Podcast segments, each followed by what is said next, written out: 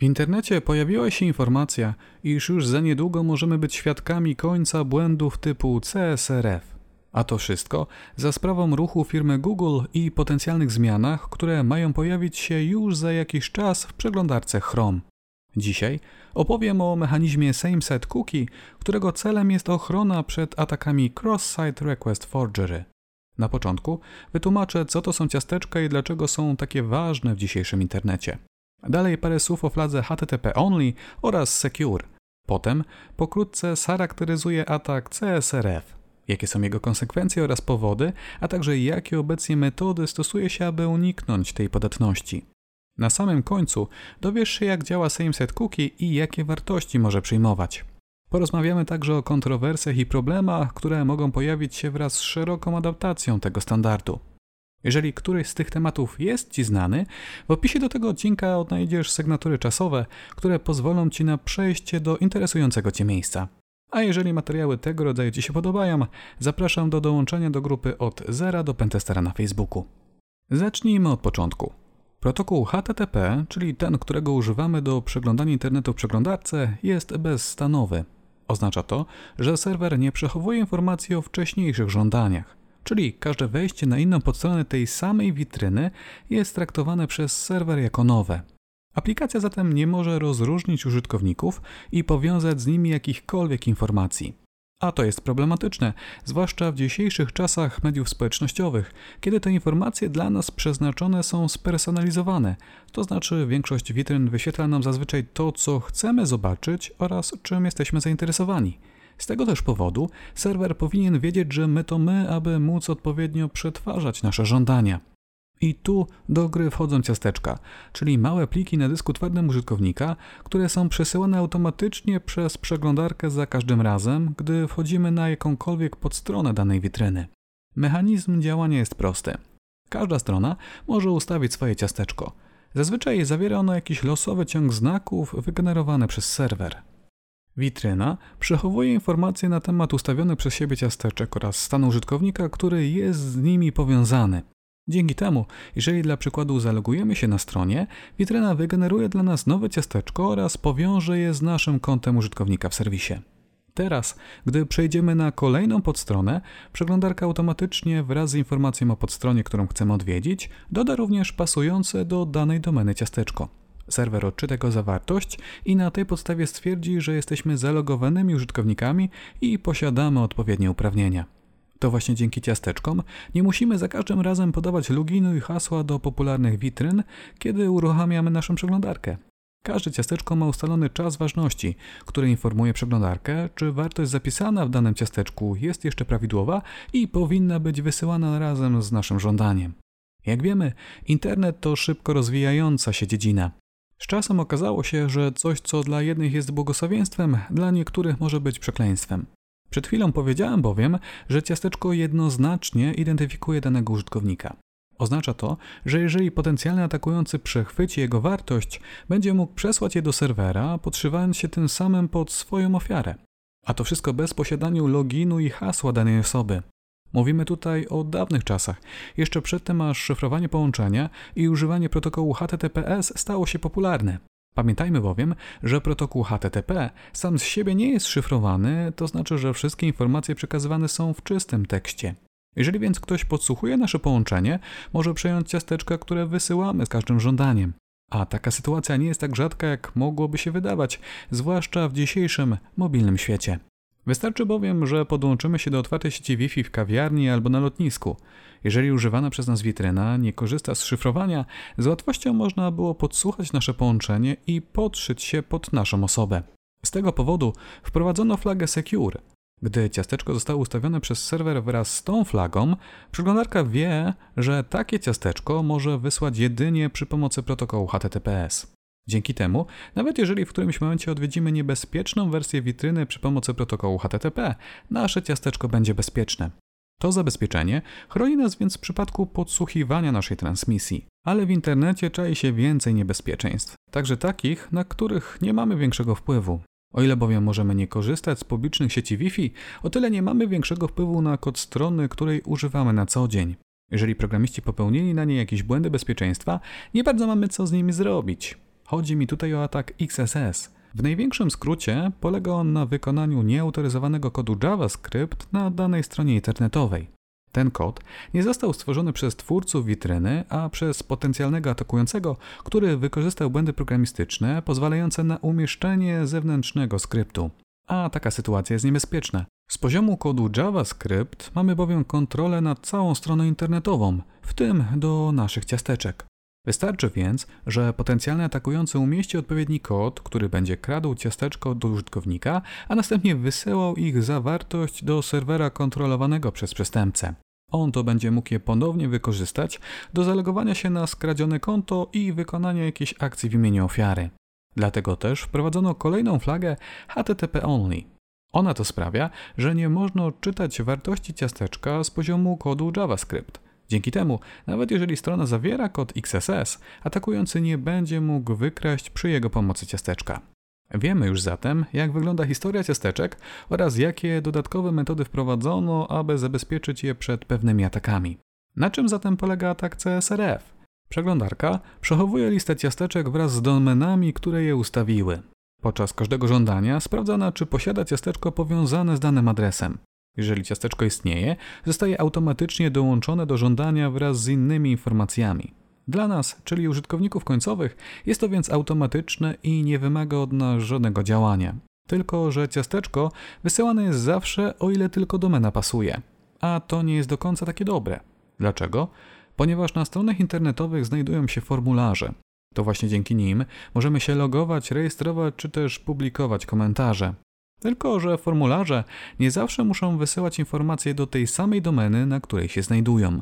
Można bowiem stworzyć formularz, który będzie wysyłał zapisane informacje do domeny B, umieszczając go równocześnie na domenie A. To samo w sobie nie jest jeszcze wielkim problemem, tylko że podczas takiego przesyłania danych przeglądarka automatycznie dołoży do naszych informacji ciasteczka, które pasują do domeny B. A to jest już niebezpieczne. Dlaczego? Ponieważ formularze kontrolują więcej zachowań witryn niż nam się wydaje. Przy pomocy formularzy możemy zmienić hasło, nasz adres e-mail lub też usunąć konto w serwisie. Przykładowy atak wygląda zatem następująco. Potencjalny atakujący tworzy odpowiedni formularz, w którym zawiera wszystkie informacje potrzebne do zmiany naszego adresu e-mail w danym serwisie. Następnie przekonuje nas do odwiedzenia swojej strony, na której znajduje się tak spreparowany formularz.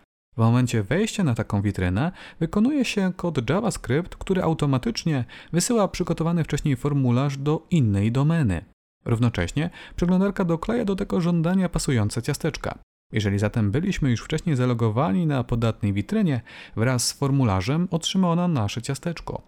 Na tej podstawie określi, że my to my i zmieni w serwisie adres e-mail powiązany z naszym kontem. I to wszystko bez naszej interakcji i wiedzy. Wystarczyło tylko, że weszliśmy na złośliwą stronę. Większość stron posiada możliwość przypominania hasła, które zostało przez nas zapomniane. Do tego celu używa się wiadomości e-mail, która ma sprawdzić, że my to my. A ponieważ atakujący właśnie zmienił nasz adres, wiadomość o zmianie hasła trafi na kontrolowaną przez niego skrzynkę. Dzięki temu jest w stanie uzyskać dostęp do naszego konta. Prawda, że przerażające?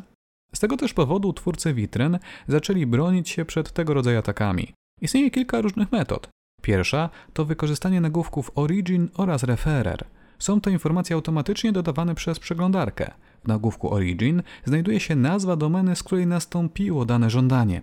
Referer zawiera tą samą informację, tylko że oprócz domeny znajduje się tam pełen adres podstrony, która zainicjalizowała żądanie. Podstawowa technika zapobiegania atakom CSRF polega zatem na sprawdzeniu tych nagłówków.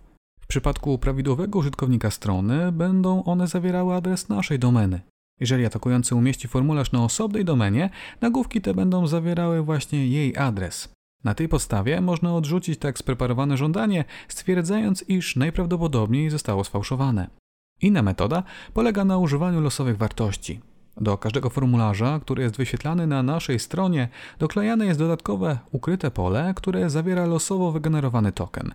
Po wysłaniu dokumentu, serwer sprawdza zawartość tego pola, porównując ją z wygenerowaną przez siebie wartością.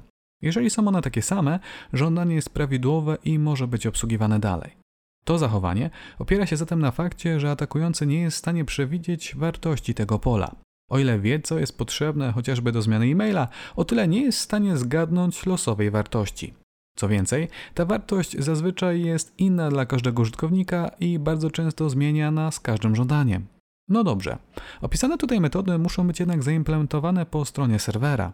To znaczy, że każda aplikacja, framework czy też programista niejako tworzy własną funkcję, która ma chronić przed tego rodzaju atakami, a to rodzi wiele problemów. Chociażby co w sytuacji, jeżeli programista zapomni o jednym formularzu w odległym miejscu witryny. Jeżeli go nie sprawdza, jego strona jest podatna. Po drugie, brak tutaj pewnego rodzaju standaryzacji, wiele stron sprawdza to na wiele różnych sposobów. I tu do gry wchodzi rewolucja, czyli flaga same site. Jest to więc kolejna wartość, która może być ustalana podczas ustawiania ciasteczka. Tym razem można wybrać dwie wartości: lax oraz strict. Zacznijmy od wytłumaczenia tej ostatniej, czyli strict. Jeżeli ciasteczko zostało ustawione właśnie z tą flagą, przeglądarka nie dołączy takiego ciasteczka do żądania, które pochodzi z innej domeny. Jest to więc najprostszy z możliwych pomysłów, który rozwiązuje cały nasz problem. Żądanie pochodzi z innej domeny, przeglądarka po prostu nie dołączy ciasteczek automatycznie. Serwer nic nie musi sprawdzać, nie ma potrzeby doklejania dodatkowych losowych wartości. Brzmi świetnie, ale jest jedno ale. Przeglądarka decyduje, czy dołączyć ciasteczko, bazując jedynie na pochodzeniu zapytania. I tutaj dochodzimy do kluczowego wyjątku, który jest spotykany w internecie niemal na każdym kroku. Mowa bowiem o odnośnikach, czyli hiperłączach, dzięki którym nawigujemy z jednej witryny na drugą. Taki odnośnik tworzony jest przy pomocy tagu ahref. Z punktu widzenia przeglądarki jednak, jego kliknięcie to nic innego jak wykonanie żądania get do witryny, której adres znajduje się w tagu href. Wszystko działa ok, jeżeli przemieszczamy się jedynie w obrębie jednej domeny. Jeżeli jednak nasza domena wskazuje na jakąś inną stronę, żądanie zostanie wysłane do zewnętrznej domeny. Nie zgodzi się więc pochodzenie zapytania, origin bowiem wskazuje na naszą domenę. Przez to przeglądarka nie dołączy do tego żądania ciasteczka, nawet jeżeli użytkownik jest zalogowany. A to może rodzić dziwne zachowania z punktu widzenia użyteczności, bo rozpatrzmy to na przykładzie. Jesteśmy zalogowanymi użytkownikami Facebooka. Korzystamy z niego na co dzień, praktycznie co chwilę, dlatego nigdy nie wylogowujemy się ze swojego konta. Przeglądamy stronę jakiegoś sklepu internetowego, który zawiera odnośnik do grupy na Facebooku. Klikamy w niego i zamiast treści grupy Facebook prosi nas o zalogowanie. Stało się tak, ponieważ kliknięcie w link zainicjalizowało żądanie get do domeny facebook.com, a ponieważ używamy flagi SameSat z wartością strict, wartość żądanej domeny oraz domeny, z której pochodziło żądanie różniły się od siebie, przez co przeglądarka nie dołączyła ciasteczka pomimo tego, iż je posiada. Właśnie z tego powodu niektórzy mogą uznać za stosowne używanie wartości SameSite równej lax, Możesz odnieść złudne wrażenie, że wystarczyło tutaj pozwolić przeglądarce na dołączenie ciasteczek z różnych wartości origin, jeżeli wykonywane jest żądanie get. Ale sprawa jest nieco bardziej skomplikowana.